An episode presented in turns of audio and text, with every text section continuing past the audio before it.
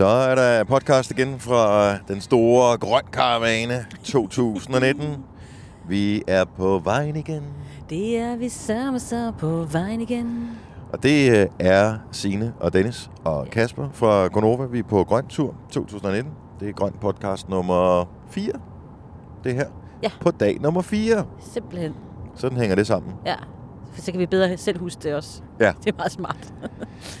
Så øh, velkommen til. Vi øh, har lige forladt Aarhus efter et lille pitstop ind på tankstationen. Og så, øh, så går turen ellers videre nordpå. Ja, det bliver en dejlig tur. Det gør det rent faktisk. Vi kører måske lidt mod nogle lidt sorte skyer, men de forsvinder. Så hæsblæsende, som øh, Kasper han øh, drøner der sted her i Audi'en.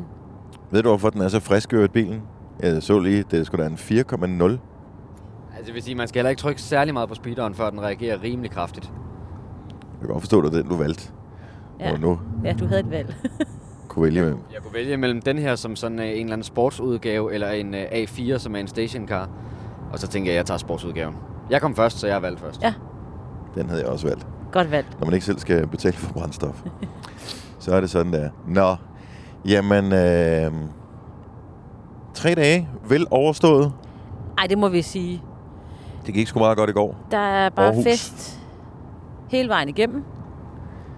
Ikke så meget fra vores side, sådan helt sådan personligt. Jo, altså, nej, det ved jeg ikke, hvad skal man sige? Vi, jo- prøvede i går. Ja, ja. Så øh, efter... Jamen, vi havde, okay, her er vores plan i går. Så Ja. vores plan er at møde ind, lave vores ting, præsentere bandsene, øh, hænge ud bagefter, se Decimus Lizzy, som er sidste band, som, øh, som optræder, og øh, måske lige få øh, en enkelt øl. Mm. Så skal vi ind til Aarhus, hvor alle de her sådan, folk, som øh, optræder, og alle deres Passé. ma- managers Ja. og, og sådan nogle Ja, og folk. dem, der arbejder med grøn, Ja, alle sådan noget. Alle. Så de er typisk øh, inde i Aarhus eller andet sted. Og så er det sådan noget, ah, men så kan vi mødes, og vi kunne gå ud, og det ene og det andet. Der var mange, mange, rigtig mange gode intentioner Og fra ja, alle. Og, vejen øh, fra festivalpladsen og til hotellet var brolagt med gode intentioner. Fuldstændig. Der skulle både danses tæt med øh, Anne Sanne og Lis. Og, Oh ja. øh, ja. Vi fandt den Og- derud af, hvor de spiste middag henne. Mm, og hvornår de var færdige. Lidt stalkagtigt. ja, i tilfælde af, at... Hvis det Øh, og vi vender tilbage til Anne Sandelis, fordi øh, Kasper lavede en syv med Ja. Anne Sandelis i går. Det skal, det skal vi også høre. Ja, det skal vi. Og vi, han har ikke fortalt os noget, så der er åbenbart et eller andet, der er Ja. værd at fortælle ja. omkring det der. glæder os meget. Ja. Men øhm, ja, det endte jo i virkeligheden med, at vi sad i den der hotelbar, som lukker klokken 11-ish. ja, igen. Og, øh, og der var der nogen af de der sådan, optrædende, Carpark North var der blandt andet. De var der, og de fejrede jo fødselsdag, fordi at Lav, Jeg lavede fyldte, fyldte år. ja, han fyldte år.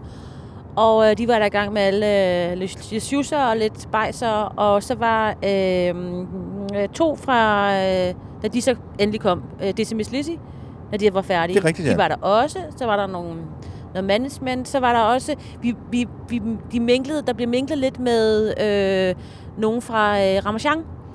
Eller nogen fra Circus Sumarum, fordi de var også Det er jo også. Muskelsvindfonden, Ja, som laver præcis. grønt, som laver Circus Sumarum, Ja, og det som så, er i Aarhus nu. Lige præcis. Så der blev, der blev festet lidt igennem, sådan på den hyggelige måde ude foran, men øh, der, var ikke så mange borde og stole derude, så vi sad også, vi havde også lige brug for lidt ro, så vi sad lige inde ved Vi baren. hang i baren.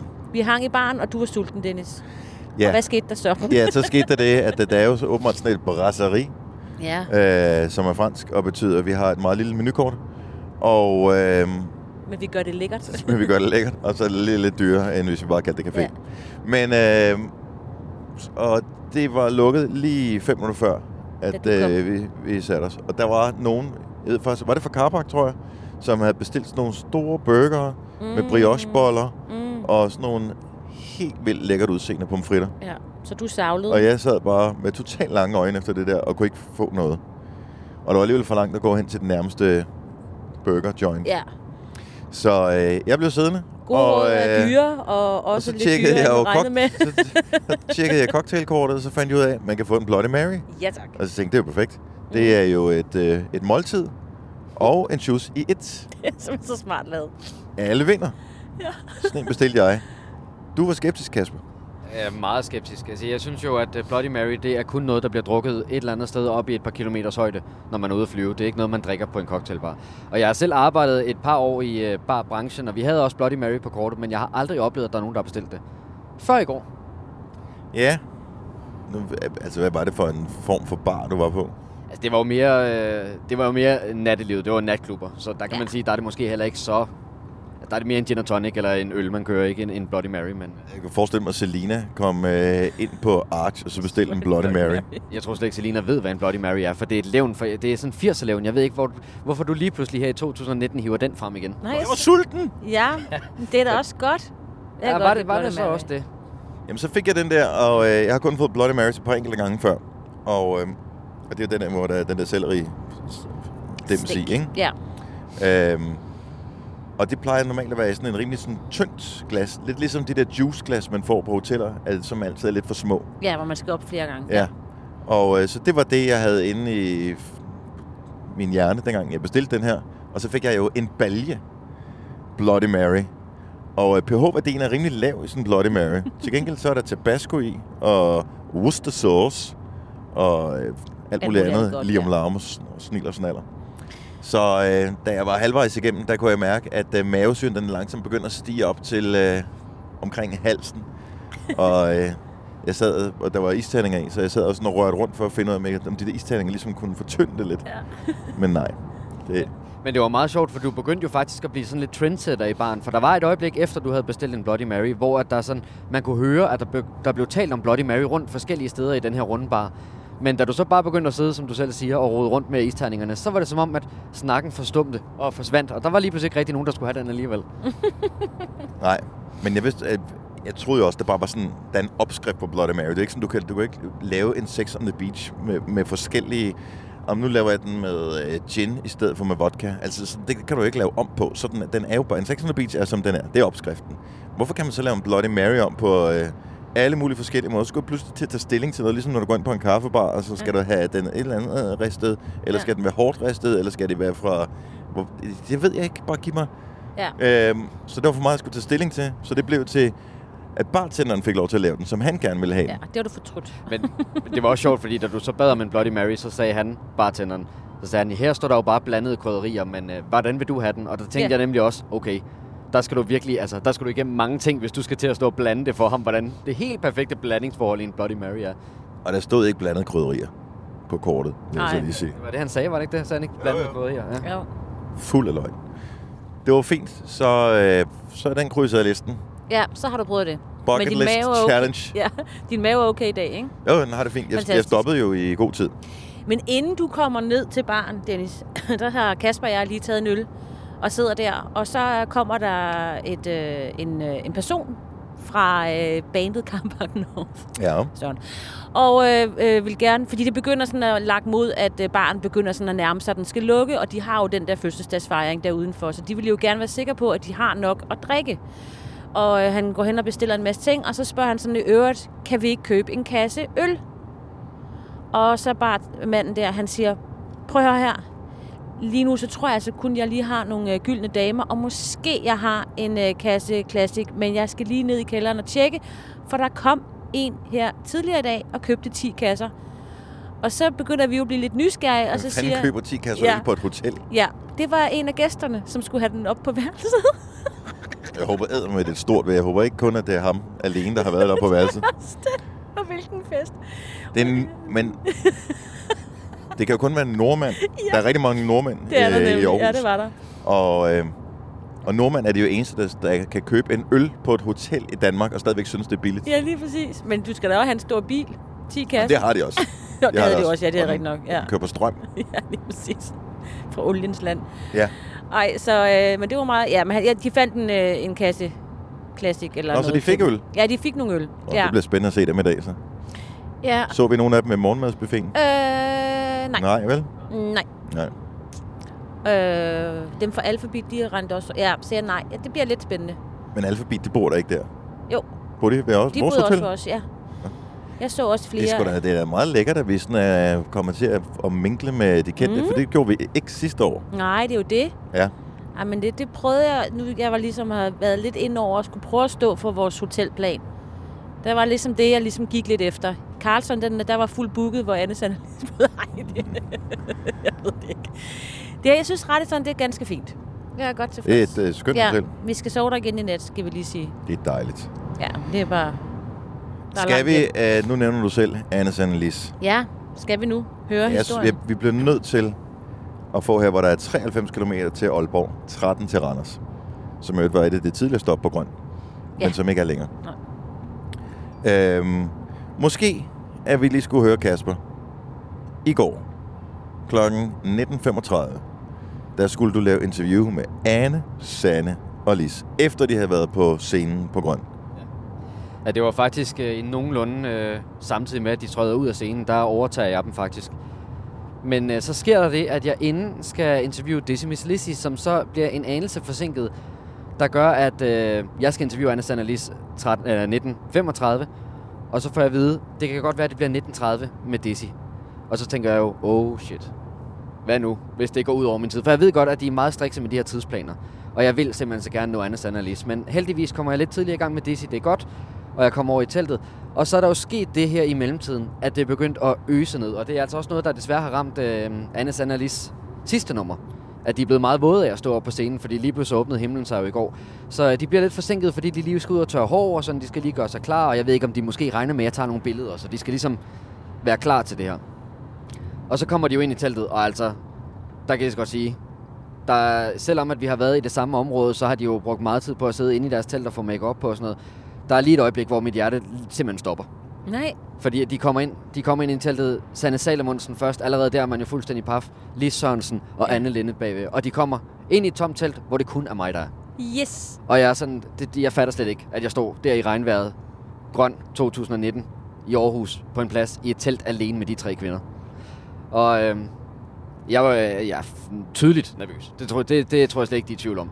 Men det hjælper på en eller anden måde lidt på det alligevel, at de er sådan nogle lidt, øh, sådan, hvad, hvad kan man sige, øh, som nogle koldmus, der lige er kommet ned op for scenen og lige har fået sådan et tæppe omkring sig og lidt, stadigvæk lidt vort hår og sådan noget. Det hjælper på en eller anden måde lidt i balanceforholdet, synes jeg, i det der hierarki, vi har derinde i teltet. Øhm, og så sker der jo det, som jeg har været meget, meget spændt på i forhold til Anne Linnet, om hun jo ikke giver hånd. Og øh, først så kommer Sanne, hun hilser, det er fint, så kommer... Kan vi, kan vi lige forklare, inden vores øh, øh, praktikant, nu tidligere praktikant Maja, lavede øh, interview med Anne Linnet før Grøn, dengang de blev præsenteret. Og der gav hun ikke hånd. Nej, hun giver albu.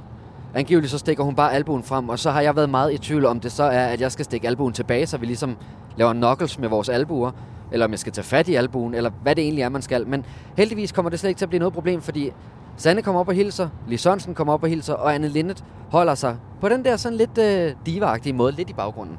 Så der vinker jeg ligesom bare, fordi hun står bag de andre.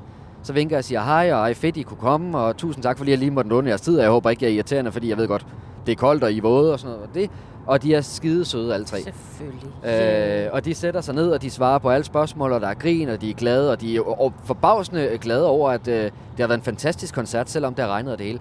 Men så sker der det, som jeg i min drømme havde håbet på ville ske, men som ikke, jeg ikke synes var særlig realistisk. Vi bliver færdige, det lyder godt, det kan du jo høre på Nova, og øh, så siger jeg til dem, jeg bliver nødt til at sige, efter jeg har slukket båndoptageren, jeg har været rystende nervøs for at øh, interviewe jer, fordi de er jo lyden af min, hele mit liv i virkeligheden, de tre kvinder der. Så øh, at det var en stor ære for mig at få lov til at tale med dem. Og så rejser Sanna Salomonsen sig op og siger, du gjorde det virkelig godt, skat, og kysser mig på kinden. Nej, Kasper! Og jeg- altså, jeg, jeg, jeg blev nødt til med det samme at skrive til min kæreste og sige, jeg er ked af det, skat, men hvis, hvis hun vender tilbage og siger, "Sk- kunne det måske være? Ja, så, så kunne det godt. Nu vil jeg lige sige med det samme, og det er ikke for at ødelægge din øh, fin historie, Kasper. Hun kalder alle for skat. Og det ved jeg godt, og det var også det, min kæreste Joyce sagde. Altså, det siger hun jo til alle mennesker. Og så sagde jeg, ja, det kan godt være, men hun har sagt det til mig. Ja. Og det er det, der betyder noget. Det er rigtigt. Nej, hvor dejligt for Og de dig. var virkelig, virkelig søde og rare. Altså, hvis, hvis man går og spekulerer på, om de... Det har jeg jo også selv sagt i forhold til, at de har rigtig meget udstyr med, at de har et kæmpe band og mange telte og sådan noget. Om de kunne være lidt divagtige, så er der ingenting om det. De er virkelig, virkelig søde og rare, alle tre. Men også, altså, de kunne jo i regnen bare være gået lige to skridt tilbage på scenen, så var de jo ikke blevet gennemblødt. Mm-hmm. Men det gjorde de jo ikke. Men det spurgte jeg dem faktisk om, i forhold til det her med, at man er jo på en eller anden måde lidt i helle, når man står op på scenen, for man kan jo dække sig Har du brug for sparring omkring din virksomhed? Spørgsmål om skat og moms, eller alt det andet, du bøvler med? Hos Ase Selvstændig får du alt den hjælp, du behøver, for kun 99 kroner om måneden. Ring til 70 13 70 15 allerede i dag. Ase gør livet som selvstændig lidt lettere. Stream nu kun på Disney+. Plus. Oplev Taylor Swift The Eras Tour, Taylor's version. Med fire nye akustiske numre.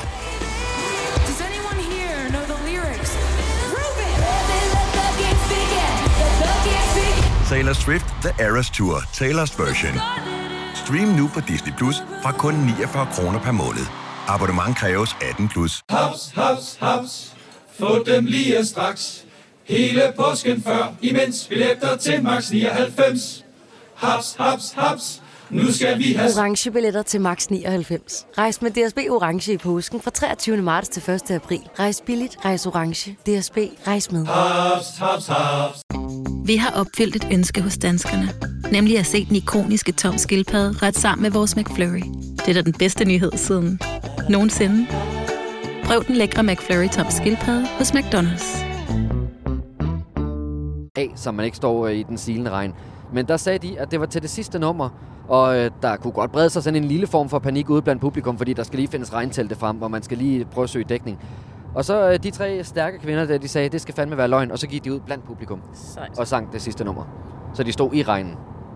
Ja, også den, jeg elsker, elsker jeg Mm. i Silende Regn sammen med øh, alle de publikummer, der var i Aarhus. Det er stærkt. Ja, det var... Øh, altså, jeg vil også sige, at det var stort for mig at tale med Dizzy Vislissi, men på en eller anden måde, så de tre kvinder der, de tog altså lige medaljen i går.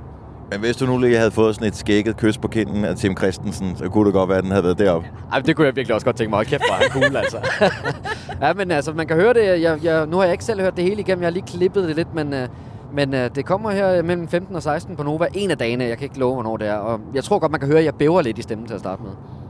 Men vi har, vi har talt om, at øh, vi skal, øh, når vi siger vi, så er det dig, Kasper, vi skal tage de her indslag, vi har lavet, og interviews og sådan noget, og så klippe det sammen til sådan en, øh, en grøn 2019 Galore øh, podcast ja. med indslag. Ja, så kan man jo så høre det der. Ja. Men øh, Ej, nu vil du også hellere klippe det sammen, fordi du ved, at du har bare fået oplevelsen. Ja, skal med. men, men jeg havde det sådan, det, det sagde jeg også til dem, det, det var ligesom en, man vil godt lige have den her i bæltet, ikke? Altså jeg vil godt lige sætte flueben ved de tre kvinder der. Øh, og så kan det godt være, at det ikke er verdens bedste interview, det kan også godt være, at jeg lyder sådan lidt nervøs og sådan noget, men øh, nu er det sgu gjort. Og det synes jeg var mega sejt at møde de tre. Godt gået. Godt gået, ja. ja. Ja, fordi og mens du rodede rundt med det, så var det jo så, at vi skulle, øh, vi skulle op og præsentere det sidste band, vi har. at Åh, præsentere. Scarlet Pleasure, ja. Og de havde jo rent faktisk, øh, de søde tre fyre der fra Scarlet, Emil, de havde jo været og oppe. Joachim. Hvad siger du? Ja, ja, han sagde bare lidt deres navn. Ja, godt. Øh, de havde jo været op og se øh, blandt andre Casey, da han øh, fyrede den af. Og, og havde virkelig, sådan, altså virkelig rigtig, rigtig meget glædet sig, fordi 35.000 mennesker, og der er jo bare meget, meget, meget mega god stemning i Aarhus.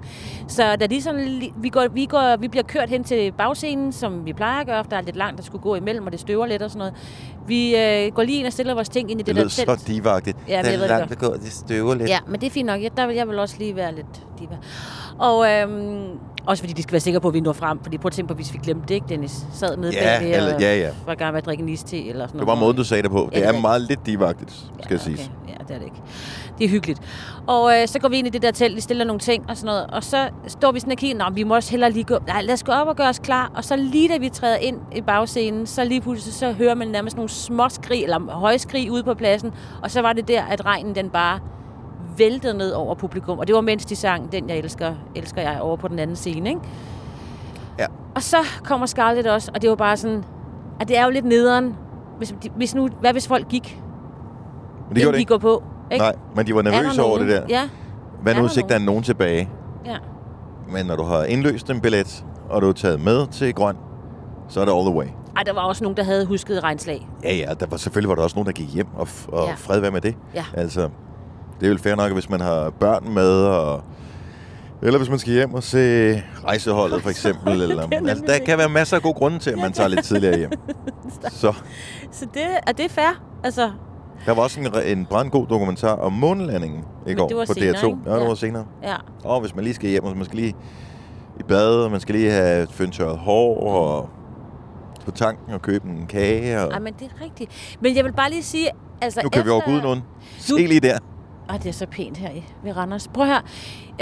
Dennis, det sidste år, da vi var øh, på grund, der oplevede vi jo ikke ret meget regn. Der var noget ved Næstved, men der var vi på vej. Vi skulle hjem. Ja. Øh, og der væltede øh, vandet ud Ja, over. der, det regner og til gengæld for en hel uge Ja, og på en time, ikke? Det var sådan lidt vildt. Men ellers så oplevede vi jo ikke sådan noget der. Og jeg vil bare sige, selvom nu har vi jo så oplevet det, ved det gør ikke noget ved stemningen. Den er der stadigvæk. Jeg synes, Ja. man skal bare tage afsted, også selvom man bliver lidt våd. Altså, det er jo bare vand for oven og Ja, det er jo også dejligt at er- sige, når du har sådan et... Øh, gul regnflag. ja, nej, jeg tænker mere på, at du har sådan et, øh, et backstage-område. Det har publikum jo ikke. Nej, men jeg synes bare... Nej, jeg ved det godt. Jeg synes... Men de er smarte, de der regnslag, vil jeg sige. Der er jo ikke mange, der har regntøj med. Nej, Og regntøj er også irriterende, fordi det fylder meget. og det er varmt. Når man har det på, så bliver man sådan øh, klæbrig indenunder, Ja. eller sådan fugtig. Lidt ligesom i gamle dage, når man lå i de der telte, som, øh, der, hvor, inden de havde lavet det der, hvor man sådan går ånden igennem. Mm. Øhm, men man ser ikke mange af de der gule Helly Hansen regnsæt længere. Nej, nej, det synes jeg også er lidt skuffende. Og jeg kom bare til at tænke på i går, fordi når jeg tænker regnsæt, jeg tænker altid det gule Helly Hansen, mm. som, som alle havde. Ja. Lavede man kun regnsæt i én farve engang? Ej, jeg synes, også- var det ikke også i grønne? Grøn og Var det i grønne også? Ja. Jeg husker bare de der gule. Ej, men det var også Og så tit. gule, hvis der var nogen, der havde øh, regnsæt på, og gule gummistøvler. Og så Hvilket land det var de så fra? Danmark. Tyskland. Nå, Det Tyskland. var altid tyskere, der kom i gule gummistøvler Nå. i Danmark. Gud. Men øh, det gule Helly Hansen regnsæt, dem ser man ikke mere. Nej, det gør man ikke. Men det var også en, en, en gang, der var bare... Altså Parker Coat og Helly Hansen, det gule regnsæt. Ja, og oilskinsjakker. Ja, og Elskensjakke også. det er så dejligt. Nej, men jeg prøvede bare lige at fortælle, at altså, jeg synes, publikum, de er jo... Ej, de er bare gode. Lige Må meget, jeg lige nævne er. noget med, øh, med det der publikum, fordi Ja. at Ja. det man jo gerne vil, når man, at man vil jo gerne engagere publikum, når man er sådan en, der optræder. Og det er jo ligegyldigt, om det er Savers, eller det er Decimus Lisi. Men nogle af dem bruger mere det der hænderne over hovedet øh, opfordring end andre. Yes. Tænker man, og det måske var det noget, vi kunne spørge øh, publi, hvad hedder det, de øh, optrædende om. Tænk hvornår, hvor hårdt det faktisk er at stå med hænderne over hovedet. Altså, det, det er jo grunden til, at jeg ikke jeg, jeg bliver træt i armene Det er af koncert. rigtigt, ja. Jeg, huske, jeg går ikke så meget til altså så meget til koncerter på den måde, at jeg, det er sådan nogle, hvor man står op foran, og uh, Mm, jeg er mere til sådan at bagved. finde et godt sted, hvor lyden er god, og Ja. så, øh, Tæt på barn. ja, noget af den stil. Og det er mig, ja. Men, øh, men, Men der også- er jo rigtig mange, der står med hænderne over hovedet, og det er jo pisse hårdt. Altså alle, der nogensinde skulle prøve at hænge en lampe op, for eksempel. Ja. Jeg ved godt, det bliver sådan lidt mm, farligt, men alle har prøvet... Det er jo pisse hårdt. Det er jo helt vildt hårdt at hænge en lampe op. Og det er jo ikke, fordi man... Altså, det er jo ikke sådan... Fordi man bruger mange... Havde det bare været inde i en væg, no problemers. Men op i loftet med armene over hovedet, Det er det er, simpelthen blevet så træt i armene. Og der har du altså lige været træt i armene til, øh, til Sabers. Så skal du være træt i armene til Casey også. Ja. Og til Scarlet Pleasure. Jeg tænker også bare på det der hopperi, de også får folk til at gøre. Så skal de stå og hoppe helt vildt. Det er Ja. også fint nok, ikke? Men det er jo derfor, man tit får øh, krampe efter festivaler. Ja. Må jeg lige sige, at vi passerede lige en øh, motorcykel med italienske nummerplader. Da vil jeg da umiddelbart sige, at hvis jeg havde en øh, motorcykel med italienske nummerplader, hvilket indikerer, at man bor i Italien, så vil jeg være kørt den anden vej. Er du klar på godt, hvad der er i Italien nu? Ja, men det kan være, de bare tænkte, ved du hvad? Vi skal også have lidt, prøve lidt kulde. De har hørt godt om Skagen. Og men øh, I kan jo huske fra sidste år, hvor I var afsted på Grøn, hvor det vel var de der 30-35 grader hver dag, at på et tidspunkt kan man også godt blive lidt træt af, det er varmt. Så kan det godt være, det er bedre at komme herop til Guden og op til Randers. Hvor er det lige? Jeg siger bare pizza. Hov, der er en ude i vejsiden derhen. Der skal du lige... Øh, Ja, skal lige være Ja. opmærksom. der er folk i siden af. Det er en motorcyklist. Måske har vedkommende været af og tisse. Skal vi se, hvor nummerpladen... Den, det er en Det var bare dansker. en dansker. En dansker. Dennis, lad du mærke, der var faktisk 20 sekunder i går, som øh, på en eller anden mærkelig måde, lille smule godt kunne have føltes som, øh, som øh, 30 minutter. Sådan at 20 sekunder, måske var det kun 15 sekunder, lidt panik, inden vi skulle ind på en scene og sige tak. Jeg tror, det var lige efter Savers. Nej. Der sker det, at vi skal jo... Øh, Er du sikker på, at jeg var der? Øh, ja. Vi skal, øh, Dennis og jeg, ind og sige øh, giv en kæmpe hånd, det var pisse fedt, Sabers, woohoo, om lidt, så skal I det og det og det og det, publikum. Ja. Hej hej, lige om lidt, ikke? Og øh, vi står jo klar, og så er vi lidt... Jeg, jeg er altid lidt i tvivl, hvad er det nu det sidste nummer er? Jeg glemmer jo så altid tider, hvad er hvornår er det, vi skal sige noget igen, Ja. og hvor lang tid og sådan noget. Og så står vi sådan lidt, og så kigger jeg på, de, der er de jo som så søde, de her øh, mennesker bag ved scenen, der er større for lyd og sørger for at pakke tingene sammen og sådan noget. Så siger jeg sådan lidt, Nå, men lad, bare, lad os da bare få vores mikrofoner, vi har sådan to trådløse. Og så ja. kigger de meget fabrilsk på hinanden, og så kan de og begynder at rode rundt, og kan simpelthen ikke finde dem. Ja. Og deres... Øh, og sådan lidt kigger lidt, de er tre, der sådan, øh, står lidt for... Det er lidt forskelligt, hvem vi øh, passerer mikrofonerne til igen, og hvem vi får dem af. Og sådan lidt... Fare lidt rundt. Så det, du siger, det er, at øh, du blev lige ind, der holder endnu en motorcykel. Ja, Hvorfor holder de derude? de venter på hinanden. De vender nok på hinanden. Øhm, De blev også... Ej, de blev faktisk lige... det er bare lidt mærkeligt, altså du kan ikke gå ud på scenen, hvis ikke du har nogen mikrofon. Nej, men jeg fik så lige, du ved, da, jeg så, da de så fandt dem efter de der minutter, sekunder, hvor lang tid det var, hvor de farede rundt og løftede ting og kravlede rundt og kiggede Hvis du op vil have et billede på, hvor lang tid det føles som, Ja, så forestil dig, at du skal nå en bus. Du er bare lige inde i et supermarked for at købe en pakke tyggegummi. Og øhm, vedkommende, der står foran det, det er typisk en ældre person. Og øh, vedkommende har købt nogle ting. Og det er så der, da den sidste ting er blevet bippet igennem. De står i gang med at putte ned i poser. Den sidste ting er blevet bippet igennem. Så får de øh, at vide, at det bliver 75,5. Og så, og så først der går det op for dem. Når jeg er gud, det er jo sådan, når man køber noget i et supermarked, så skal man også betale. mm. Jeg må da heller lige se nede i min vadsæk, om jeg har taget min punkt med. Og jeg tjekker da lige først, om jeg har på beløbet i mønter, ja. i tilfælde af, Jeg tæller lige. at øh, nej, det har, er det en 25? Nej, vi bruger ikke 25 mere. Ja. Så lang tid føles det Det, ja, og, faktisk. med den der mikrofon. Og de så meget sådan, øh, for, lidt, ja, de så lidt sådan lidt anstrengt ud, øh, fabrilske. Men så øh, finder de så heldigvis mikrofonerne og til os, og så siger han så også ham den ene, han siger til mig, "Men ellers så har vi nogen, tråd, øh, nogen med ledning på. Sagde han det? ja, Okay. så, som jeg, men det var sådan lidt, tænker, 35.000 mennesker, kan jeg råbe det? Nej. Øvrigt ikke relateret spørgsmål. Og det samme er sket på jeres værelse, men vi ved ikke, om I bemærker det. Så vi bor på hotel. Ja, næsten alle, tror jeg, der har boet på hotel på et tidspunkt, vi har oplevet det her. Så når man kommer ud og skal benytte toilettet første gang, eller første gang efter der har været øh, cleaning, Mm. hvorfor er det altid foldet i en spids? Hvad så med næste gang?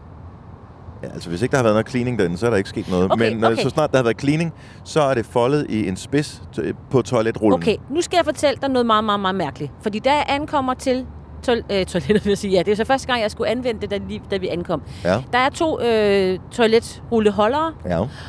Øh, den forreste, den var, den, der var en lille spids på. Alt var fint, den var vendt rigtigt. Jeg er lidt ligeglad med, om det er rigtigt eller forkert derhjemme. Mm. Men her er der sådan en klap øh, henover, så det er bare nemmere, når den er i for oven. Jeg vil sige, at hvis man kigger på øh, toiletpapir, patentet, personen, der hvad hedder det, købte eller vandt øh, patentet i sin tid, der er kun én rigtig måde at sætte det på rullen på, og det er sådan, som For oven. fornuftige mennesker gør det. Ja. Og så det var fint, men øh, så var der ikke mere toiletpapir der, og øh, da den blev tom, den rulle der, og øh, det var jo fint nok, der var en ved siden af. Men så efter cleaning, så har øh, cleaningen puttet en ny rulle i. Punkt 1. Der var ikke lavet nogen fold. Jeg skulle selv sidde og åbne den der tutelut der. Jamen altså, Punkt er 2, da jeg så havde åbnet, ja, så var det, der var den forkerte vej. Og jeg sad, jeg kunne selvfølgelig bare tage den anden, men jeg sad bare og tænkte, det er simpelthen, det har jeg aldrig oplevet før. Der Der er- altid folk, selvom der er tre øh, ruller tilbage, eller hvad sådan noget hedder, tre be- Papir. papirstykker Ja. ja. tilbage, eller sådan noget, så er der stadig lavet en fold. Men det var der ikke her. Det var altså, Det jeg var lige ikke, de drikkepengene, der røg der. Øh, ja. Måske person- personen havde travlt. Jeg forstår ikke. Altså det eneste, det der lille, den, den der lille fold, de laver, så det ligner sådan spidsen af en pil eller et eller andet. De- Det eneste, det gør, det er jo bare, at det smadrer det ene stykke toiletpapir. Ja, men det er også du- det, fordi du du, ved jo ikke, om dem, der har været der før, har brugt og lige har napset lidt på det. Det er meget rart at Jamen, vide. det har dem, der har været og lave pilen jo. Ja. Men de har jo ikke siddet med De skal tørre bakterier på. i røveren med det. Ja. Det er da fuldstændig ligegyldigt, om de har rørt ved det med deres fingre. Men jeg tror, det er, fordi man skal, man skal helst ikke vide, der har været andre. Og men det er lidt, det, det er som om, at det er lidt af, det, det, det, det nye årtusinds udgave af Svanen på sengen, ikke? Hvor det er lidt ligegyldigt, altså. Ej, Svanen den er topklasse. Jeg har Jeg har aldrig prøvet den. Nej, det, har jeg, nej det, det, det ved jeg ikke. Jeg har ikke, jeg har ikke set det. Jeg vil lige give et uh, shout-out ud til uh, dig, der hører den her podcast. Tak for det. Og uh, til uh, dem, som har købt billet til alle grøn-koncerterne. Åh, nu har vi ja. set uh, en flok piger stå på forreste række under Savers, under Casey og under Scarlet Pleasure og uh, synge med. Sådan med forskellige former for entusiasme i, fordelt i gruppen, alt afhængig af, hvem de sådan er mest fan af. Mm. Men så de står der det samme sted, men bare i en ny by og ser koncerten. Og nu ved de jo, hvornår der sker de der ting. Så på et tidspunkt i går under Scarlet Pleasure, så, øh, så har de jo regnet ud, okay, det er her, hvor Emil siger, nu skal vi have hænderne over hovedet eller et eller andet. Mm. Så de havde jo allerede hænderne over hovedet, inden Scarlet Pleasure gjorde det. Men øh, det synes jeg skulle meget sejt. Man kan ja. købe sådan en, tage rundt på alle øhm, Ja, sådan øh, koncerterne, huske, den hedder. billetterne, Ja. eller sådan en armbånd, man får på. Ja. Og det er ikke ret dyrt. Jeg tror, det er sådan noget 900 kroner. Er det rigtigt? Men tror, lad os håbe, fordi så håber jeg, de også er her i Aalborg. Så skal du lægge Så skal mærke til dem, når de til spiller... Hvad er det for en, de spiller først? Er det Limbo? Den slutter de med, ikke? Hvordan slutter de med? Hvad fanden er det for... Øh... Nej, jeg tror det er... Nej, nej, nej. Vi starter med. Er det Tishu? Ja. Øhm, så prøv lige at lægge mærke til, at øh, de har indøvet sådan en ting, de der piger, som de laver sådan et trommeslag-agtigt med hænderne. Mm. Synkront.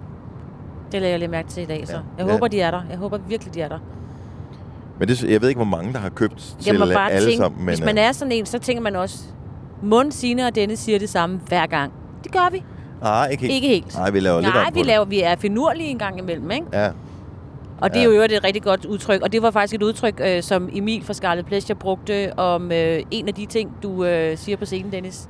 Ja, men en det er jo fordi, at ting. når man øh, skal... Vi præsenterer de forskellige bands, så har vi fundet på noget, som vi synes, "Nå, det er meget sjovt at sige. Og, øh, og de havde selv sagt til os, at de var lidt spændt på den måde, de kom ind på scenen på. Øh, fordi den var sådan lidt... Jeg kan ikke huske, hvad de selv brugte øh, om ordet. Sådan lidt anderledes. Mm. Og sagde, nej, vi har også en lidt uh, anderledes måde at øh, præsentere på. Så det passer jo meget godt sammen. Ja. Men han har så ikke hørt det, fordi det er så koncentreret, inden de skal på, med Ja. at uh, lige at ramme den rigtigt og sådan noget. Så det var først i går, at uh, de rent faktisk hørte efter, hvad det var, vi sagde ude Ja. på scenen. Og der var det, du, var det dig, Kasper, der hørte, han sagde et eller andet? Eller hvem var det, der hørte? Øh, nej, det var dig, Signe, var det Ja, det var nemlig ja. så. Han kaldte det, det er en finurlig måde.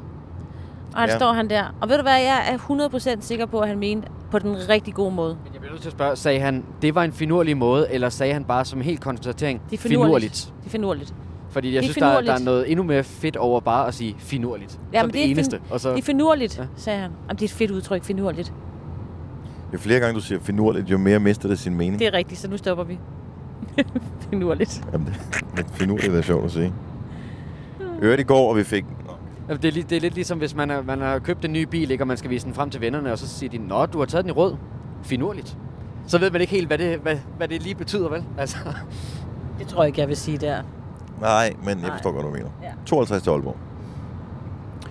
Øhm, vi fik slet ikke, men vi lavede jo ikke podcast. Lavede, vi- Nå, vi lavede ikke nogen Nej, vi podcast i ikke noget går, i går, nej. men det var bare, det var en, øh, det var en historisk dag i går. Fordi at øh, det var i går 50 året for de første skridt på månen. Månelandingen.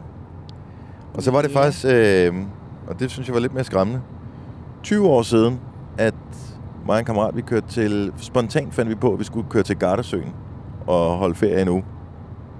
Og det skrev en kammerat øh, til mig, at han sagde, at han kunne nemlig huske, at han havde set, at der stod et eller andet på de italienske aviser, dengang noget med 30-året for Nej. månelandingen. Så det sms'ede han øh, i går.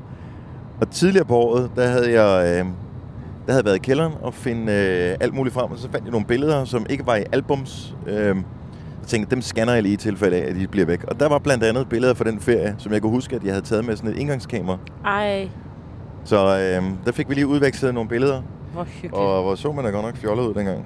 Har du et med mig se? Jeg skal lige prøve at se, om jeg kan finde et her. Det bliver ikke coverbilledet til den her podcast.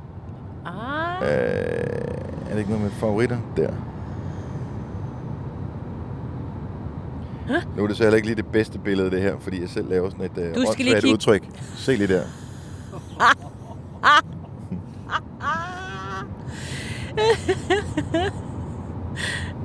skal lige... Ah, men det er også Og hvad bare... står der på forsiden? Ja, Ja, jeg læser en øh, ekstrablad nede i Italien, der står andet, Slytter får EU-medalje, Ja, åbenbart. ja. Og Lige det ser også hyggeligt ud. Der sidder der en Prøv at se, så alt det hår, jeg havde. Masser af hår og smarte solbriller.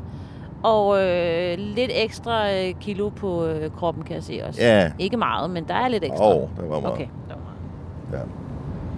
Ja. Ej, det var tider. Der var meget. Apropos det, da vi skulle spise morgenmad i øh, går, så øh, der var der sådan lidt flere mennesker, og der sad vi sådan lidt tæt på nogen, skal vi sige, måske de var sådan cirka 20 år ældre end os, Dennis. Det tror jeg passer ja, meget godt, ikke? først i 40. Jeg vil sige, de, ja, de mindede sådan meget om min, sådan den, min svigermor-type. Ja. Altså, det sådan, der var lidt den der hen af. De lignede sådan lidt sådan en teaterklubben, der var ude, og nu skulle de lige have deres morgenmad. Og øh, normalt så sidder jeg ikke sådan og... Det var og- det grå guld, Signe. det var det grå guld, ja. De var nogle hyggelige mennesker. Og jeg kom bare til på en eller anden mærkelig måde, mit øre kunne ikke lade være med at lytte lidt med, fordi de sad lige pludselig, at de taler om madforgiftning. Og så bliver man altid sådan Det er lidt... altid et godt samtaleemne med morgenbuffet. Ja, det er det. Og jeg, mine ører, det, er sådan, det, det, tænkte, det kom bare til at lytte med, for jeg skulle da lige være sikker på, at der ikke var noget, de havde fået her. Øh, men det, det var det så heldigvis ikke. Men, men det var sådan lidt, hvordan, har du, hvordan den går der, og det er da også træls og sådan noget. Og så sidder den ene dame, så siger hun lige pludselig, kvinde, hun siger, ja, men hun havde også prøvet en gang. I Bauhaus får du nye tilbud hver uge. Så uanset om du skal renovere, reparere eller friske boligen op, har vi altid et godt tilbud. Og husk, vi matcher laveste pris hos konkurrerende byggemarkeder. Også discount byggemarkeder. Bauhaus. Altid meget mere at komme efter. Haps, haps, haps. Få dem lige straks. Hele påsken før, imens billetter til max 99. Haps, haps, haps. Nu skal vi have Orange billetter til max 99. Rejs med DSB Orange i påsken fra 23. marts til 1. april. Rejs billigt, rejs orange. DSB, rejs med. haps, haps, haps. Vi har opfyldt et ønske hos danskerne. Nemlig at se den ikoniske tom skildpadde ret sammen med vores McFlurry. Det er da den bedste nyhed siden nogensinde. Prøv den lækre McFlurry tom skildpadde hos McDonald's. At øh, være inde, og jeg hørte jo ikke ordentligt efter, hvor det var, men det var i hvert fald inde på et toilet, hvor man ikke kunne lukke vinduet, og så sad jeg ellers bare der og sked for åbent vindue, som hun sagde.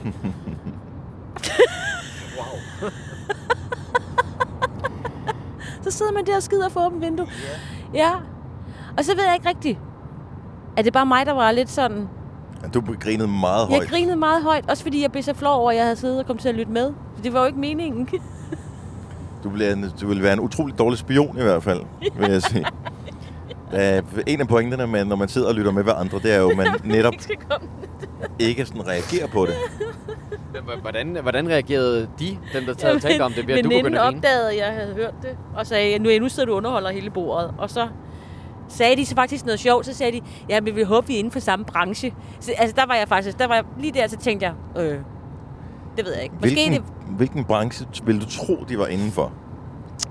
øh, altså jeg tænkte, det var sådan nogle, der, altså, jeg tror ikke, de havde så meget branche lige nu, men at de tog hvad inden for cykel- samme branche, hvad kunne det, hvad, hvad Ja. kunne det være? Altså, kunne det være... øh, Det har ingen idé. Ingen idé. Bagefter kan jeg tænke på, fordi at øh, Circus Sumarum, som sagt, det kunne jo være, det var orkester. Nå. Nej, det var det ikke. Jeg ved ikke, hvad det hun mente inden for samme branche. Jeg har ikke... Øh, måske noget øh, sygehusvæsen. Der kan man jo godt være sådan lidt mere åben omkring, hvad man... Ej, Ja. man ikke bruge... Nej, nej, nej. Skide der. Det gør man heller ikke, når man er børne. Så laver de bare lort. Nej, hvor er man sådan lidt mere bramfri omkring, hvad det er? Altså, fordi normalt vil man jo bare sige... At det vil min svigermor, der gør. Hun vil sige, ja, så måtte man jo sidde der og kunne ikke øh, lukke vinduet, og så sad man der. Altså uden at sige Ja. ja. sådan helt præcis, hvad man det var. Fordi alle ved jo godt, hvad Det det er, er man bare så- noget skønt over at sidde og Og skide. skide for åben vindue. Ja, mens man har øh, madforgiftningsmave. Oh. Jeg ved ikke, hvilken Der skal branche altså det også luftes ud. Ja, ja, så det var jo smart nok. Nej, jeg ved ikke lige, hvilken branche vi var i, men det synes jeg var meget spændt. Men bare lige for at vende tilbage til den der månelanding, ikke? Ja. Jeg føler mig en lille smule snydt, når man taler om den der månelanding. Fordi jeg tror, de fleste er fascineret. Nu har vi været på månen, er det fem gange eller eller andet? Øhm, men det er den første gang i 69. Jeg føler mig jo snydt, når man taler om det. Når man taler med, hvis jeg taler med mine forældre om det, for eksempel. De kan jo godt fortælle, øh, det blev ikke sendt i fjernsynet dengang, fordi at, øh, det var nok ikke på det tidspunkt, hvor Danmarks Radio de havde valgt at sende deres program den dag. Men de var der alligevel, og det var hele det der boss, der var i hele verden over jeg lige mærke til den sådan en lille månejoke der, det er boss. Nå, øh, det, øh, med. ja, øh, det lille boss, der var i, i hele verden omkring... Øh, nå, men altså, ikke... Hvis, Nej, nej, nej, ja, nej, når der, er- Som Jacob ja. Så, øh, siger. Du kan få den igen. Ja.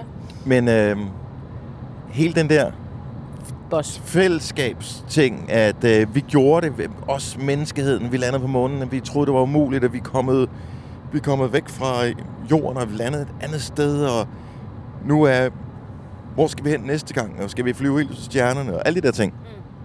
Jeg, havde det, jeg har det sådan lidt, formoder jeg, på samme måde, som når man taler om den der fornemmelse, der var i Danmark, da vi vandt EM i 92 Ja. med folk, som ikke var født dengang. Ja. De er også sådan lidt... Yeah. Ja. De ville helt vildt gerne have været Nå, der. men du er da stadigvæk stolt af Danmark. Det er da ikke det. Fuldstændig, og, og kan jo godt referere til det, men Men du var der de ikke. var der ikke. Nej. Så jeg føler mig snydt. Jamen, jeg kan godt forstå det lidt. Eller sådan... Ja. Men hvis det var, at du skulle have været der, ikke? Så var, det også, så var du også gråt guld nu, ikke? Jo, at det bliver jo så aldrig helt rigtigt, fordi at det, nu har jeg bare valgt at klippe mit hår af. Ja, det skal Det- jo passe det til månelandingen. Men det, men det er sjovt i forhold til månelandingen, fordi nu er jeg jo 29 år gammel, og jeg har sådan lidt en fornemmelse af, at øh, min generation, det eneste vi hører om månelandingen, det er egentlig den skepsis, der er omkring, at det ikke er fundet sted. Altså det er, sådan, det er folk, der ikke tror på, at det er sket. Man taler jo ikke rigtig om længere, fordi det, den gang, hvor de oplevede det, der var der selvfølgelig hele hypen omkring det, og der troede man på det, og det var vildt. Og, og jeg tror selvfølgelig også på det, men, men, men hvis jeg hører om månelandingen i dag, så synes jeg mest bare, det handler om, at øh, der er nogen, der tror, det er sket inde i et tv-studie. Hvis jeg taler med folk, Mm. som siger, at de ikke tror på, at vi landede på månen, så plejer jeg gerne at forsøge at få samtalen til at slutte så hurtigt som muligt. Inden at jeg fuldstændig mister interessen for at tale med dem om andre ting, for det er simpelthen for dumt. Mm. Jeg, jeg er ked af det. Hvad så, hvis de oven i køber også er sådan en flat earther-type? Ja. Men det er jo også bare... Det er bare dumt. Altså, det er Ja. bare dumt. Jamen, konspirationsteorier. Ja, ja, men der er dem der, og så er der jo også med inside job med 9-11 og sådan noget, ikke? Jeg tror, der er nogen, der ligesom bare gør det til en ting for dem, og bare være skeptisk omkring alt. Og der er ikke noget, der er sket i virkeligheden, og alle prøver at tage røven på alle og sådan noget der. Jeg tror, jeg tror det er nogle særlige personer, der har alle de der, altså hele paletten med flat earth og øh, månelanding og inside job med 9 Prøv, hvis jeg fortalte en hemmelighed til 10 personer, ikke? så er det, uanset om det var 10, de mest 10 troværdige personer overhovedet, jeg kunne opstøve, så på et tidspunkt vil en eller anden i en brænder eller et eller andet komme til at fortælle det til en eller anden. Mm.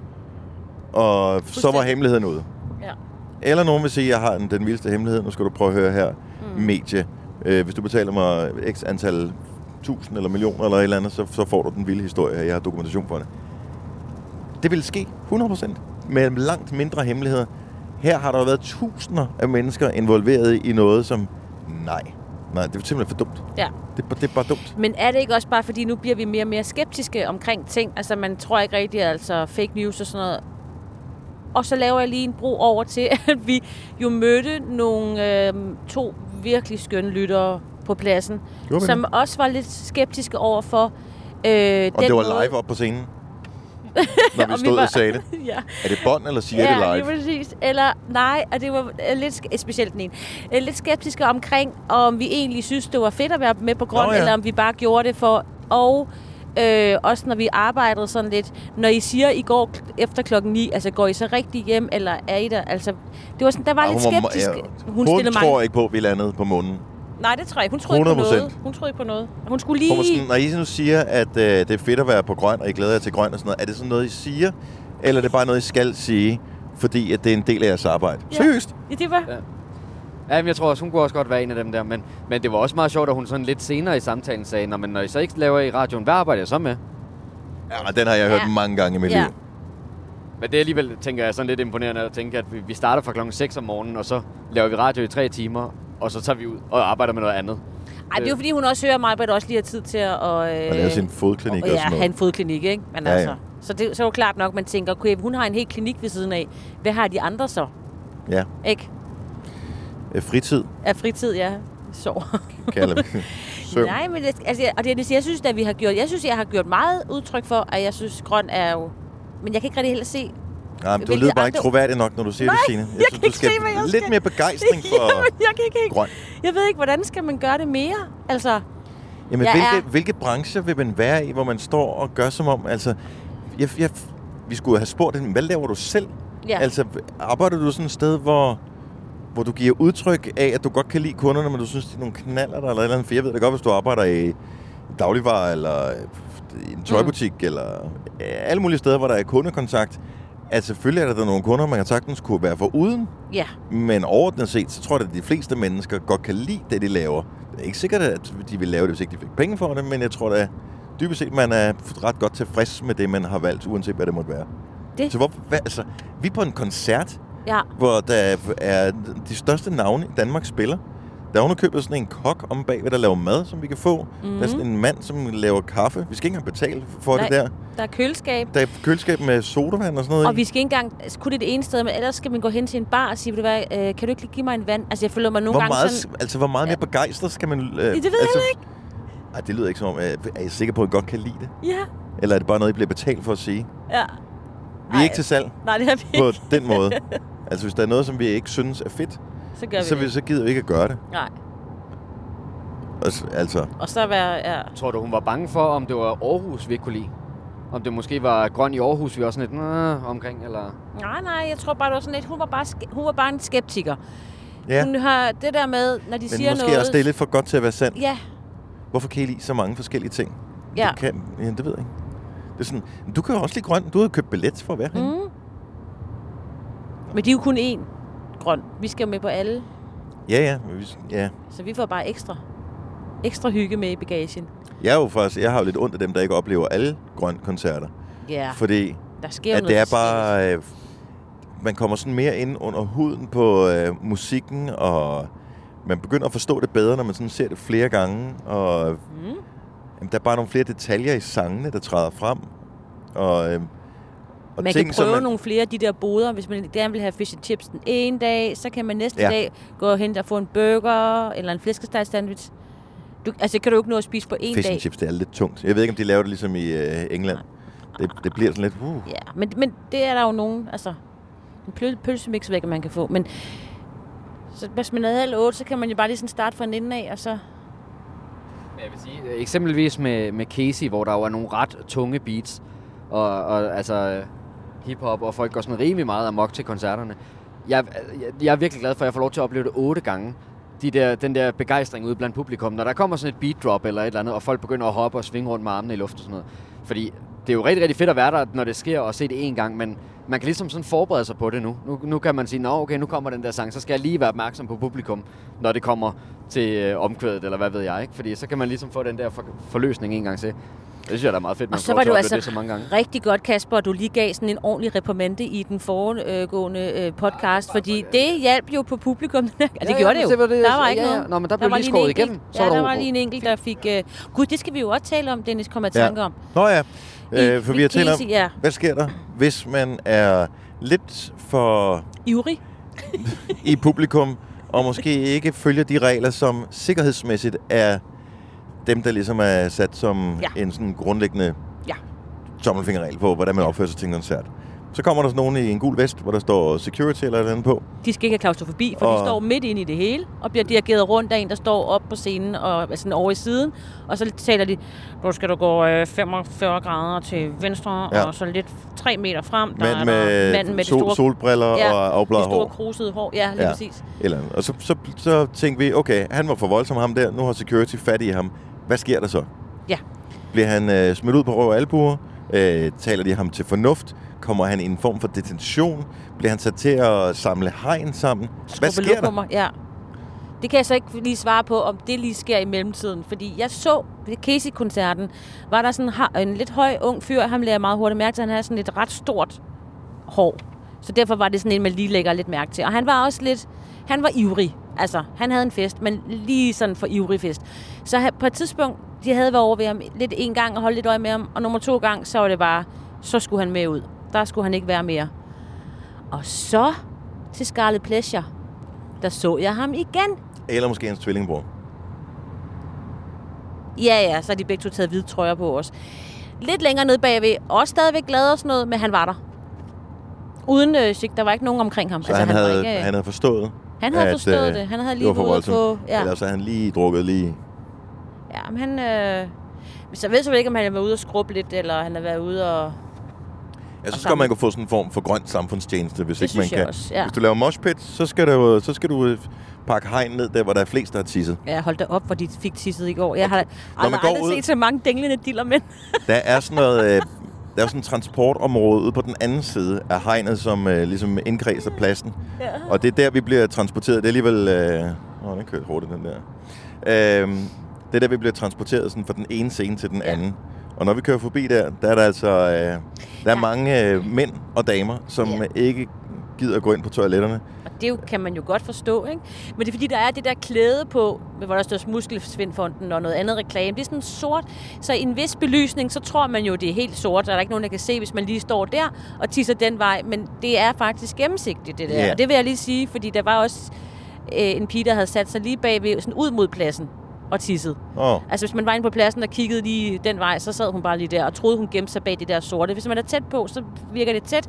Hvis man er lidt fra, så er det helt ja, og så er der jo sådan et, et lille gap Ja. nede i bunden, som gør, at øh, det eneste, man kan se under det der Også det. klæde der, Det er dilleren, der bliver rystet. Det er, nej, det er de hvide røve, Nå. som øh, Nå, ja. sidder der i skovskideren og øh, tisser derhen af. Ja, jo, ej, men jeg vil sige, der var der mange unge Lige mænd. der, der er altså ikke misundelig. Det er en dårlig konstruktion, kvinder har fået der. Det er det virkelig. Den er god til nogle ting, Ja. men lige... Men Nå. jeg vil sige, altså jeg synes, I, I er sgu meget smarte. Altså, der er lige den der tabelap der, så ryster den lige dyk, dyk, dyk. Ja. Der var flere forskellige længder på det. Ja. Det kommer også an på, hvad man lige har set, ikke? Altså, det kan godt være, hvis øh, du hedder Kasper lige har set Anne Sandelis, så Ja. er det jo en anden længde, end Det hvis... det. Øh, hvad ved jeg? Nej, men altså, jeg synes, det eneste er, at jeg har det sådan lidt... Jeg er selvfølgelig bare, jeg er ligeglad, I må gerne stå og tisse der og sådan noget, men jeg synes, jeg har lidt ondt af Heinz øh, personalet, så skal gå... Nu kom der heldigvis regnvejr, så noget af det der klamotist jo nok skyllet lidt af, men ellers er det jo bare tis. Tis. Har I fulgt lidt Tis. med i hele den her debat, der har været med uh, Storm Area 51, som er sådan en Facebook-begivenhed, som jeg ved faktisk ikke, hvornår den skulle løbe stablen. Øh, skulle det ikke være... t- Åh, nu, nu er det sat, men jeg mener, det skulle være til september. Måske næste år. Så, så øh, ham, der har lavet begivenheden, hvilket jo er en joke, øh, sagde, okay, nu skal vi finde ud af, hvad gemmer de? Gemmer de aliens, eller hvad gemmer de inde på Area 51, som er den der base, der ligger i Nevada-ørkenen, øh, og som blev berømt vel i ja, da den kolde krig startede der i, øh, efter krigen. Jeg tror, den blev anlagt i 50'erne eller sådan noget. Øh, og man ved ikke rigtigt, hvad der foregår, fordi alt har været classified, og det ligger ude i ørkenen og helt af helvede til. Øh, nu løber vi derind. Deres kugler kan ikke stoppe os alle sammen. Og sidst jeg læste, var der vist halvanden million tilmeldte. Og så var det pludselig, at de amerikanske myndigheder begyndte at interessere sig lidt for det der, for de synes måske, det var en dårlig idé, Øh, måske, at ja. man skulle komme derind. Nu talte vi om, at det var lidt fjollet at tro på, eller ikke at tro på, at vi var landet på månen. Det var endnu mere fjollet at tro, at jorden er flad. Men tror, er der nogen af jer, der tror på, at øh, der er blevet nedskudt UFO'er og lavet øh, forsøg med aliens inde i Area 51? Nej, jeg tror ikke på det, men jeg vil sige, at... Øh, helt, jeg tror ikke på det. Men der er et eller andet romantisk ting inde i mig, der gerne vil tro på det. Romantisk Lige med den der, fordi... Jamen, for, fordi, jamen, altså, fordi at, det kan jeg egentlig meget godt lide at tænke, at Area 51, det er sådan lidt uh, UFO-agtig suspense. Så, så jeg tror selvfølgelig ikke på, at de har UFO'er, og at de har aliens, de uh, laver eksperimenter med og sådan Kan I noget ikke huske Roswell? Jo, fantastisk. Mega. Nå, men jeg, jeg synes, verden fungerer rigtig, rigtig fint ved, at vi har Area 51, som er sådan lidt suspekt, og er sådan lidt amerikansk på alle måder. Det kan jeg egentlig meget godt lide. Ligesom Bermuda-trikanten var øh, på et tidspunkt Ja. også. Så Bermuda-trikanten er blevet undersøgt, der er ikke noget mærkeligt der. Øhm, og så er der med Area 51. Det giver jo rigtig god mening, fordi den kolde krig, øh, hele rumkampløbet, alle de ting, som øh, med USA mod Rusland og stormagterne mod hinanden, og alt det der, det handlede jo bare om, at jo mere man lod de andre tro, at man kunne, jo mere bange blev de, og jo mindre ville de have lyst til at angribe en. Det var, det var ligesom det, der lå i det. Og så var der jo hele det her oprustnings øh, atomkapløb, der var på et tidspunkt, som jo, så vidt jeg lige husker det fra amerikanernes side, også i høj grad gik ud på, at lade russerne tro, at man havde så sindssygt mange ting, at de også blev nødt til at opruste. Men den russiske økonomi var så fucked, så hvad det, øh, de brugte så mange penge på militær, så alt andet faldt fra hinanden. Og det var i virkeligheden det, der gjorde, at de blev bragt i knæ. Så det var også en strategi. Men Det, Men- det, men- men det er jo blevet det er klassificeret meget af det, som skete i Area 51, eller det hedder det faktisk ikke engang, det hedder et eller andet andet. Øh, og der, jeg så en dokumentar, jeg mener, den ligger på HBO, om lige præcis øh, det her område, hvor nogle af dem, som har arbejdet der og har været med til at udvikle nogle af de her projekter, det er selvfølgelig ikke alt, de kan fortælle, for der er stadigvæk nogle militærhemmeligheder, men overordnet set kan de godt fortælle, hvad der skete. Og det var, at der blev udviklet øh, sådan nogle overvågningsfly, spionflyet, det meget berømte øh, U-2-fly, som YouTube så opkaldt efter. Og Mhm. al, altså, det var sådan noget, der ligesom blev udviklet derinde. Men hvis du øh, har lidt øh, tendenser til konspirationsteorier, så vil du ikke tro på noget, bare fordi det kommer ud i en dokumentar.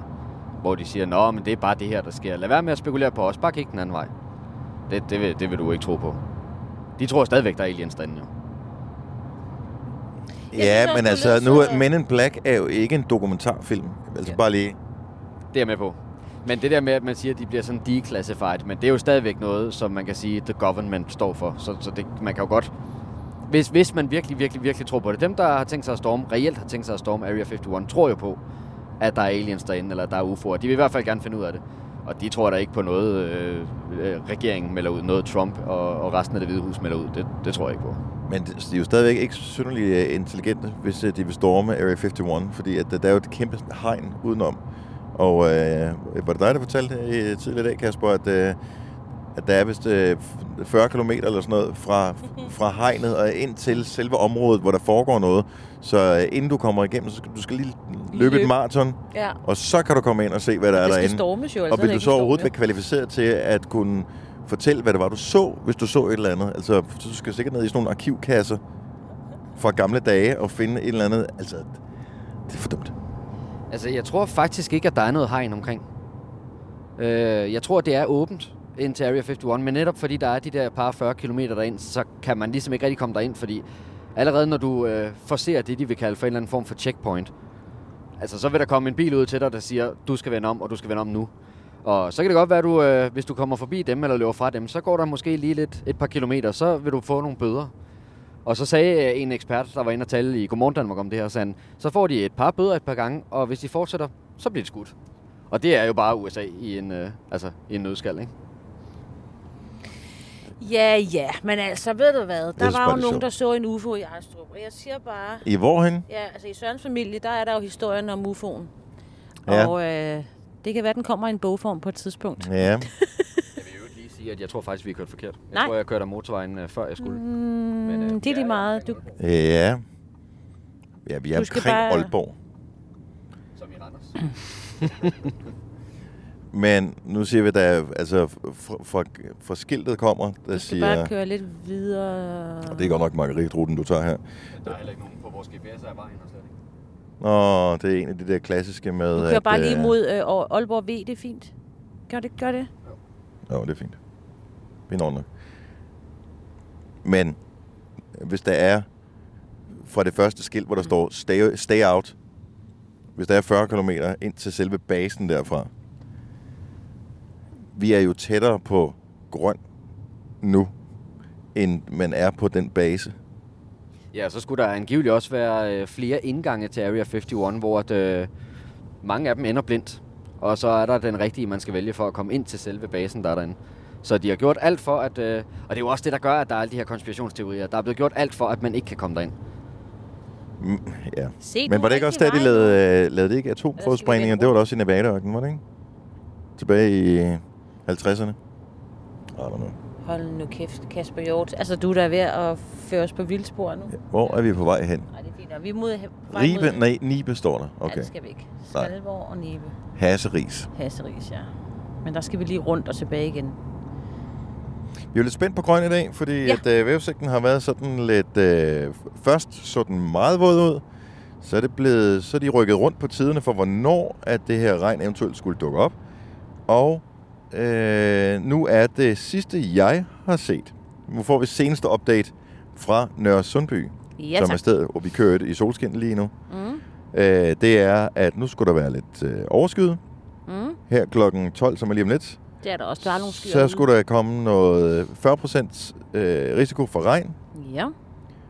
og så skulle det bare være gråt, sådan det meste af dagen, og når klokken bliver 18, så bryder solen frem, og så skinner solen helt ind til grøn er færdig. ja. men ved du hvad? Så dem, der optrådte i går, der blev våde, de får solskin i dag. Ja, Og sådan øh, fungerer karma. jamen sådan er det nemlig lige præcis. Og det var måske Anne Sanne Lis, som, apropos konspirationer, øh, gik ud og lavede regndans i øh, deres øh, Den Jeg Elsker, Elsker Jeg blandt publikum, som lige var med til at skubbe det over til deres fordel. Det er ikke dumt. Hvis det skal være helt rigtigt, så skal der være regn under hele Anne Sanne Alice koncerten på nær det sidste nummer. Der skal det stoppe, så de får Det- det i tørvejr. Ja, det kan der måske have en pointe i. Det får vi jo se, om det kommer til at ske. Men laver vi, mere, laver vi podcast, når vi kører hjem igen? Ja, fordi... Ikke, så har vi det stadigvæk friske i erindringen. Ja, fordi så sker der jo det, vi kører tilbage til Aarhus, så skal vi lige overnatte, og så skal vi faktisk lidt tidligere om morgenen, for vi skal hjem. Ja, det går nok. Ja. Nej, ja, men altså, du ved, i forhold til, vi kan også lave den i morgen, når vi kører. Nu skal jeg lige øh, sige noget her. Vi er her lige om lidt. Øh, Katrine har skrevet til mig på Instagram Hej, i Katrine. går tidligt om morgenen. Og hun skriver, Hej, jeg lytter lige nu til jeres grøn podcast, og du spurgte, hvorfor man lyttede. Jeg plejer at høre Gonova i hverdagen, og det er det bedste program ever. Øh, hvad er det for en smiley? Vi har fået smileyen, den der, der sådan slikker sig om munden smileyen. Den bruger jeg altid, hvis øh, nogen Ej, ikke sender et billede af noget lækker mad. Må jeg lige se den? Øh, nå gud, ja. Nå, Så, men tak for det. Ja. Øhm, sidste år lyttede jeg også til jeres grøn podcast, og det var ret fedt at få lidt, øh, lidt øh, baggrundsviden om grøn. Keep up the good work. det gør vi. Kærligheden fra Katrine. Tak, Nu Katrine. skriver jeg lige tilbage til Katrine. Hej Katrine. Det gør du. Har vi fortalt Du nok baggrundsviden får i dag? en- Fordi jeg synes, I bruger Ja, meget synes tid jeg. på Area 51. Det var bare... Du får en omtale. Der nåede jeg lige at blive lidt, sådan lidt søvnig. Kan du ikke lide det? Jo, det, jo, jo. Det er, jo, jo, jo. Altså, jo. Jeg kan også godt nogle gange bare lige... Rullepølse for eksempel, men jeg skal ikke have det hver dag. om Area 51 hver Nej, det var bare fordi, jeg havde, lige, jeg havde også lige gjort det, mens vi ventede på, at vi skulle afsted. Ja, men Nej, jeg det, synes, er så det- det- fint. det er også hyggeligt. Også det er året for, eller hvad hedder sådan noget, ja. Månelanding. Men, men jeg synes, den der Area 51-snak, det er sådan en god hotel-morgenmads-restaurant-snak. Den der, hvor at, øh, man sådan lidt kommer hver for sig og så, Nå, har I så godt? Ja, ja, det er fint. Nå, men det er jo ikke helt de samme dyner som derhjemme. Nej, det kan også, der er jo noget særligt over det. Ja. Og så kommer Area 51. Jamen, det er rent? Det er Altså, bedre end den der madforgiftning, jeg hørte i går, ikke? Ja. Så det Jo. klart. Klart, klart. Eller bare den der, vi må håbe, det ikke regner i dag. Ja, Ja. det kunne være dejligt. I rent faktisk i går, hvis man sådan rent pro- procentvis egentlig sådan delte det op, hvor meget, hvor mange procent tror I egentlig, at snakken i går, både sådan os tre imellem, men også sådan ellers generelt handlede om regnen? Oh, jeg tror, hvis du lavede sådan et lavkagediagram, så ville den, en ret stor del af det være markeret Med med, vejret. med vejret. Ja. Og det er jo ikke fordi, der er noget vej med det, men der bliver bare vi talt enormt, altså der bliver talt enormt meget om, uh, uh, ej, det kommer ikke. Jo, det kom. Nu kom det. Altså, det er sådan lidt... Men det er selvfølgelig fint nok at være forberedt, men det kan man jo bare ikke være. Jeg, vi skal også til at være... at tage regnjakken med, vil jeg sige. Så er man da nogenlunde forberedt. Hvis man tager noget med, så man kan dække sig af, skulle det ske, at øh, det begynder at regne. Så. Se, Kasper, nu ved jeg godt, du ikke kan sidde og kigge ned på dit kort øh, på, på den der GPS, men du sad det der med, hvorfor kan vi ikke bare sige, når vi er i C, så skal vi sige, at vi er i Seest og alt det der, ikke? Ja. Nu kan du se lige om lidt, vi er Aalborg lige nu, ikke? Det er det Aalby. Aalborg. Ol, vi er i Aalby. Aalby, ja. ja. Ja. Aalborg, rent faktisk, der boede øh, Dennis og jeg øh, ret tæt på her sidst. Og øh, lige om det her byen ligger hernede i, øh, lige om lidt, så kommer vi ned til forbi byen. Men se, vi kører over vandet lige om lidt, og så er vi i Nørresundby. Og der kan du godt se, det er jo, altså et vand er jo også sådan en, en adskillelse af land, ikke? Altså, det er jo i virkeligheden lidt pinligt. Jeg har aldrig været i Aalborg før. Den tager vi længere end til med mikrofon på. Jeg har aldrig været i Aalborg. Og jeg er endda fra, jeg er fra Jylland. Jo, jo. Men altså, der er også steder, jeg ikke har været på Fyn, selvom jeg har boet der det meste af mit liv. Ja, ja, klart, men, men Aalborg er jo alligevel en ret markant by i Danmark. Og jeg, jeg har bare aldrig rigtig haft årsagen. Bortset lige fra Gagen, selvfølgelig. Jeg skulle have været heroppe, da jeg var lidt yngre. Jeg, tror, det Men uh, har du ikke et fodboldhold, du holder med? jeg holder med Brøndby, men jeg synes alligevel, en udebanetur til Aalborg, det har sgu virket lige lang nok, egentlig. Når man bare kunne tænde for fjernsynet og så se den på tv derhjemme. Men det tager jo ikke, altså nu bor du i hovedstadsområdet. At tage en uh, flyvemaskine til uh, Aalborg, og der skal du lige lukke ørerne en gang, hvis du er sådan en, der går rigtig meget op i klima. Mm. Jeg har slet ikke, jeg har aldrig nogensinde overvejet at skulle, øh, ja, det har jeg sgu ikke overvejet, at skulle flyve til Aalborg. Jeg har både fløjet og kørt. Men i virkeligheden så er jeg heller ikke Kan så det meget til det der med udebaneture. Det er sådan, øh, nej. ad Jeg vil hellere andre der, hvor jeg kender det. Ja, Og der er nogen, der... Jeg har min egen plads på Brøndby Stadion. Det er det. Altså, er jeg, min ved, plads, jeg ved nøjagtigt, hvad- hvor jeg Mm. sidder. Jeg ved, hvem der sidder ved siden af mig. Og øh, jeg ved, hvor der er fadøl i hanerne, og jeg ved nogenlunde, hvor lang tid det tager, og hvor man kan gå ind, hvis man lige vil ryge en cigaret og sådan noget. Alting kender jeg der. Så jeg behøver ikke udbanetur. Nu er vi i Aalborg Centrum. Så kigger vi lidt her. fan. Ja. Hu, hu, hooligan. Og du skal jo huske, når vi er i Aalborg, så, og det er ikke fordi, at jeg er særlig... Øh, Racistisk. Ondst, nej, men jeg vil bare sige, at der er rigtig mange øh, solarier. Jeg ved ikke, det er lang tid siden, jeg sådan har været rundt og kigge i, øh, Nej, men nu, jeg i Aalborg, så jeg ved ikke, om det spejlet- stadigvæk forholder sig sådan. Nej, Men jeg en gang sad var det, ligesom øh, Kolding er kendt for at være den by, der har flest pizzerier per indbygger. Og frisører. Og, øh, så er jeg frisør også. Ja. De havde også utrolig flot hår i ja, øh, de har Kolding. nemlig mega flot. Men øh, så skulle det her være den by, der på et tidspunkt havde flest solarier. Og jeg har ikke lige Per set indbygger. nogen Nej, jeg har ikke set nogen endnu. Efter jeg startede med at kigge. Siden skifter jo også. Der plejer faktisk at være et lige hernede. men Måske dernede, hvor der står leje. Jeg kan huske, der har været et her. Måske var der en del af dem, der lukkede sidste år. Ja. Det var ikke særlig lukrativt at have så- solarier der. Nej. Øhm, og ligesom Svendborg er den by, som har flest værtshus per indbygger. Mm.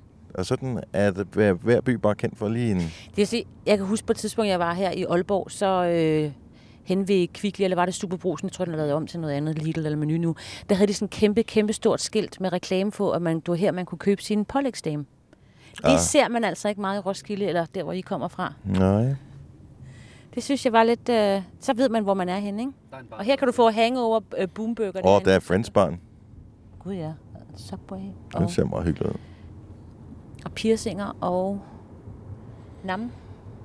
I virkeligheden så burde Netto. man måske... Lidt ligesom øh, man gør med skolen, hvor man, øh, så skal man altid på sådan en eller anden lejretur Ja. i øh, 8. klasse eller 9. klasse. Det, det burde man have noget mere, også som voksen. At det, det, det, det er det meget muligt, at øh, du godt kunne tænke dig at tage til øh, de kanariske øer på sommerferie, men i år, så har staten dikteret, at øh, du skal rundt i Danmark. Ja. Og du skal se dit eget land. Og det er så, ligesom man, der er alle mulige andre ting, man skal Ja. i løbet af sit liv. Jeg, Ja. ved, jeg tror, i Danmark har man ikke det, ligesom man har i, øh, i USA for eksempel, hvor, hvor du kan risikere at blive indkaldt til jury i en eller anden straffesag. Mm-mm. Men så burde man have det samme som øh, bare sådan en, øh, sådan en dannelsesuge eller Det synes jeg noget. faktisk. Og så var bussen nemlig booket, og det var en, Ja, ja. en del af skattebetalingen, og øh, det synes jeg skulle være meget smart. Også, og lige præcis, fordi at så kommer du på at se her, altså, det er jo virkelig en smuk by. Og der Jeg vil sker sige, meget i nu Aalborg. lige, Ja, okay, der mangler okay, lige der- lidt med havnefronten her, der, så de godt kan Ja, arbejde lidt på. arbejde lidt på det, ja. Men vi er på vej over Limfjorden. Kasper Hjort. Eller hvad er det, man kalder Limfjorden i Norge? Kom så. Det ved jeg ikke. Klisterkanalen. så benet lige sådan lidt der. Og der er mange af de her huse, som i Norge øh, bliver kaldt hytter på hytter på hytter på hytter. Ej, prøv lige at kigge den vej til øh, din øh, højre side, Dennis. Jeg ved ikke, om du kan beskrive det, men øh, der er lidt øh, mørke skyer, lidt lyse skyer, lidt mellemgrå skyer, og så er der sådan nogle... st- Det er Stråler Nordens... Nå, jeg ned. tænker mere på øh, skyline, som de er i Nå. gang med at bygge hovedet. Det Nå, er jo... Øh, det er jo... Øh, Uh, nu regner det. det er Nordens Manhattan, de er i gang Ja. med at bygge herude. Kan du se det, Kasper? Nej, nej, det er det ikke. Det er stadigvæk Brøndshøj. De kan være noget andet. Så de kan være Jyllands Manhattan. Ja, ja, men, øh, men det er det sådan lidt. Altså, der kunne du sagtens se sådan et... Øh, forestille dig sådan en Hitchcock-film, hvor der kommer sådan en helikopterskud udefra, hvor du flyver ind over vandet. Øh, og så fokuserer først på, øh, på hele byen, og så en enkelt bygning, og så et vindue. Og så til sidst så tager- går kameraet ind gennem vinduet, og så starter vi der. Ja, så. Der er blevet begået et mor. Ja. Men jeg vil sige, når vi kører her og kigger henover, så kunne det jo lige så godt være øh, Ørestaden, vi kørte forbi. Det er meget... Øh, Ej, ikke helt. Der er ikke så mange af de der helt... Altså, de er der, men ikke helt den der helt mærkelige glas, stål, buer, hvide Nej. ting. Det her Øh, lidt mere... Øh, Københavner-æstetikken. Ja. Altså det der ingen sjæl. ja, ej, den er, den er lidt Den- bedre. den Den, er- Der er lidt af det, men det er ikke helt... De, de har forsøgt sig med lidt flere... Hvis vi nu tager, tager nogle af de der bygninger, de har lavet dernede, og så bare maler dem i nogle, sådan nogle lidt glade farver, Ja, det vil faktisk være rigtig fedt. eller hvor man tænker, øh, kunne man, lave, øh, kunne man ikke lave øh, pastelkvarteret, Mm. hvor det var sådan noget lidt sarte farver, men på de der høje huse, så var der sådan et lyseblåt og øh, sådan lidt... Øh, jamen, Ja, det ville da være meget hyggeligt. jeg har engang været på Barbados, og der har de jo sådan helt lyseblå og lyserøde huse og lysegule. Ligesom man forestiller sig, sådan rigtig bounty-agtigt. Mm-hmm. Og så nu skinnede solen selvfølgelig hele tiden, men man følte jo bare, at man havde lyst til en øh, Malibu Cola eller en Pina Colada. Og så er der bare noget over sådan, er det et vandtårn, vi kan se deroppe? Det tror jeg. Det står sådan lidt op. Ja. Dem elsker jeg lidt. Jeg ved godt, der er noget galt med mig. stoppe. Jeg troede egentlig, vi skulle til... Øh... Nå, det er fordi, vi kører op den vej.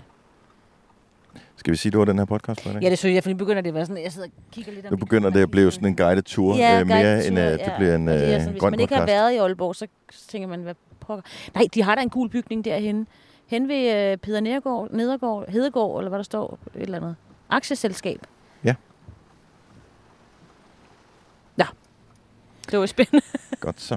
Men øh, tusind tak, fordi du lyttede med til den her podcast. Det er dag 4 på Grøn, som vi øh, skal have gang i. Ja.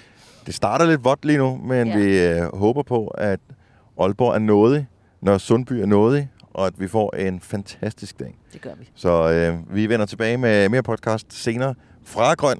Kasper og senere Dennis siger peace out. Ciao, ciao. Tak fordi du lyttede med. Ha' det godt. Hej hej.